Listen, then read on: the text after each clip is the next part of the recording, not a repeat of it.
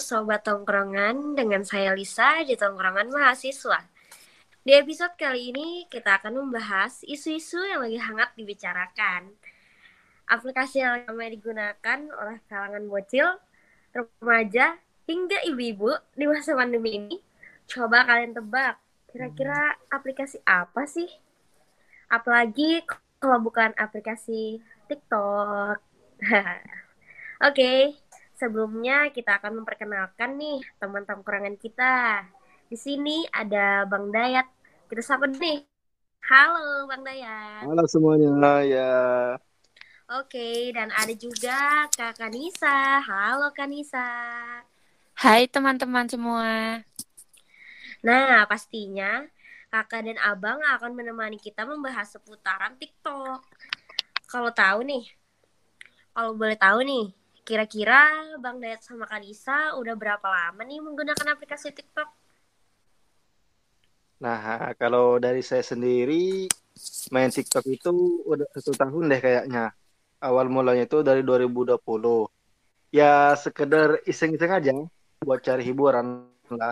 Tapi dalam konteks saya di sini ya cuma jadi penonton aja, bukan jadi pemain di dalam aplikasi tersebut. Oke, kalau Kanisa nih, Ya, kalau saya hmm, mulai dari 2018 kayaknya sudah sudah agak lama memang saya main TikTok itu. Berarti kalau dari Bang Dayat ini cuman penonton setia gitu ya? Iya, benar sekali. Uh, kalau Kanisa pengguna TikTok. Oke. Okay. Jadi nih, saya mau tanya, kalau sehari tuh sampai berapa jam sih kira-kira main TikTok? Ya kalau dari saya sendiri itu satu hari kalau lagi gabut ya lima jaman sih itu aja. Ya kalau saya um, kadang malam sebelum tidur itu scroll scroll TikTok dulu gitu. Berarti TikTok nih jadi ajang hiburan ya buat menenangkan pikiran mungkin seperti itu. Iya benar sekali. Jadi nih aplikasi TikTok tuh apa sih menurut Bang Dayat sama Kanisa? Oke, uh, mungkin dari saya dulu ya. Oke. Hmm, gimana ya? Uh, gimana ya? Dunia ini udah berubah ke arah yang lebih modern. Nah, dan yang ngelihat TikTok itu sebagai sebuah aplikasi yang alay. Tapi semakin ke depannya ini TikTok ini banyak dimanfaatkan sebagai konten dimanfaatkan sebagai platform untuk menyebarkan konten yang bagus. Banyak kok beberapa konten di TikTok yang bagus, misalnya konten menjawab soal UTBK atau memanfaatkan aplikasi micro support dan tips yang lainnya. Mungkin itu sih. Oke, mungkin dari Nisa. Ya, kalau saya hmm, sangat setuju dengan pendapatnya Abang Dayat, tapi nggak semuanya tuh alay gitu. Nah yang pokoknya kalau video alay itu ya pokoknya nggak semua TikTok TikTok tuh alay pengguna maupun video-videonya. Betul ya. betul. Hmm oke. Okay. karena sekarang lagi banyak nih yang pakai aplikasi TikTok apalagi pada masa pandemi. Faktanya banyak orang Indonesia yang jadi terkenal kan bahkan berkat aplikasi TikTok tersebut. Peluang untuk menjadi terkenal itu bisa didapat melalui TikTok kok dan banyak juga artis-artis Indonesia memainkan aplikasi TikTok.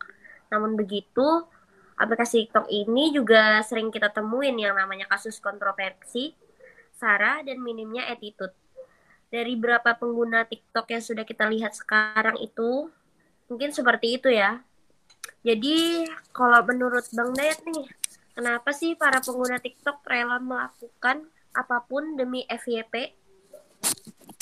Oke, nah, nah uh, pada dasarnya itu aplikasi TikTok ini terkenal ya dengan yang namanya You Page atau FYP. Dan untuk masuk ke FYP sendiri atau secara terus-menerus itu kita harus memenuhi watch time tertentu. Nah, karena itulah TikTokers menggunakan cara apa pun yang kemungkinan ini menarik perhatian user lainnya uh, agar menonton sampai habis dan berulang-ulang. Salah satunya dengan ya pamer kekayaan misalnya Gitu. Oke. Untuk Kanisa nih, gimana? Ya, kalau menurut saya nih ya, hmm, kurang lebih sama dengan yang dikatakan Bang Dayat. Ada juga uh, environment atau lingkungan TikTok dengan pengguna yang sangat beragam. Pokoknya menurut saya membuat konten yang ya seperti itulah dapat mengundang like dan komentar dari berbagai sudut pandang. Saya rasa uh, TikTokers akan senang apabila video dikomentari oleh ratusan lebih orang walaupun nggak semuanya bagus. Ya, seperti itu. Jadi intinya konten seperti itu banyak yang nonton ya. Contohnya pamer kekayaan. Kalau begitu kenapa konten-konten seperti itu bisa banyak yang nonton? Uh, mungkin menurut saya karena masyarakat Indonesia itu suka ngehalu kali ya. Coba lihat tontonan-tontonan yang sering trending, yang viewersnya banyak di YouTube. Eh, kebanyakan menggambarkan sesuatu yang susah dimiliki oleh orang biasa. Nah, dari situlah timbul keunikan konten sehingga orang lain yang merasa hidupnya itu biasa-biasa aja akan tertarik dengan konten yang unik itu. Nggak heran kalau konten yang begitu sering masuk FYP. Mungkin begitu. Oh ya, saya juga mau nambahin dari pendapatnya Abang Dayat. Karena ya di sini ya TikTok. Karena konten-konten tersebut sering masuk FYP jadi yang lain tuh ikut-ikutan gitu nah. Ya jangan heran melihat konten yang seperti ini semakin menjamur atau membooming yang kayak tambah kaya gara-gara banyak yang nonton. Si penontonnya mah biasa-biasa aja kali ya e, kecuali dia orang yang pandai mengambil pelajaran atau mengambil kayak manfaat dari video tersebut. Mungkin saja viewers bisa terinspirasi dengan itu. Tapi sepertinya hmm, video-video itu lebih cenderung ke pamernya daripada menginspirasi. Biasanya sih seperti itu. Nah, nah kalau ditanya apakah wajar, menurut saya sih wajar. Karena nggak salah mereka juga sih memamerkan kekayaan. Kalau dari hasil mereka sendiri, yang memang mereka punya, yang menjadi salah itu sudah pamer malah menjelekkan orang-orang. Nah, ya itu juga. Kalau ditanya apa? Karena konten seperti itu tuh tidak baik untuk dicontoh. Apalagi banyak yang ditonton gitu nah ya kan? Uh, lebih baik buat konten yang lebih kreatif banyak banget video-video atau tutorial-tutorial membuat konten yang lebih inovatif, kreatif dan menginspirasi ya seperti itu. Oke, jadi intinya kita boleh saja membuat konten TikTok. Ya mungkin asalkan tidak sampai membuat pamer, kontroversi, sara dan lain ya. Masih banyak konten-konten yang menarik dijadikan FYP, tidak harus membuka aib sendiri. Iya, benar. Ya, seperti ya, itu. mungkin seperti itu. Oke, terakhir nih. Kira-kira menurut kalian aplikasi TikTok ini lebih berdampak positif atau negatif bagi anak-anak? Ya dari saya ya, hmm, kalau menurut saya sih banyak dampak positifnya. Karena di aplikasi TikTok ini banyak konten-konten yang menghibur. Tentunya aplikasi TikTok sendiri dipenuhi dengan sketsa komedi, duet, challenge, dan tarian yang menarik, dan masih banyak lagi. Sehingga anak-anak banyak mengunduh aplikasi TikTok ini dan juga ini bisa menjadi wadah kreativitas bagi anak-anak kita dalam membuat konten TikTok. Ada kemungkinan menjadi TikTokers untuk mencapai titik acuan keberhasilan di dunia influencer ke depannya. Meski banyak yang berpendapat bahwa TikTok hmm, dapat mengganggu anak-anak itu tergantung dari orang tua masing-masing sih.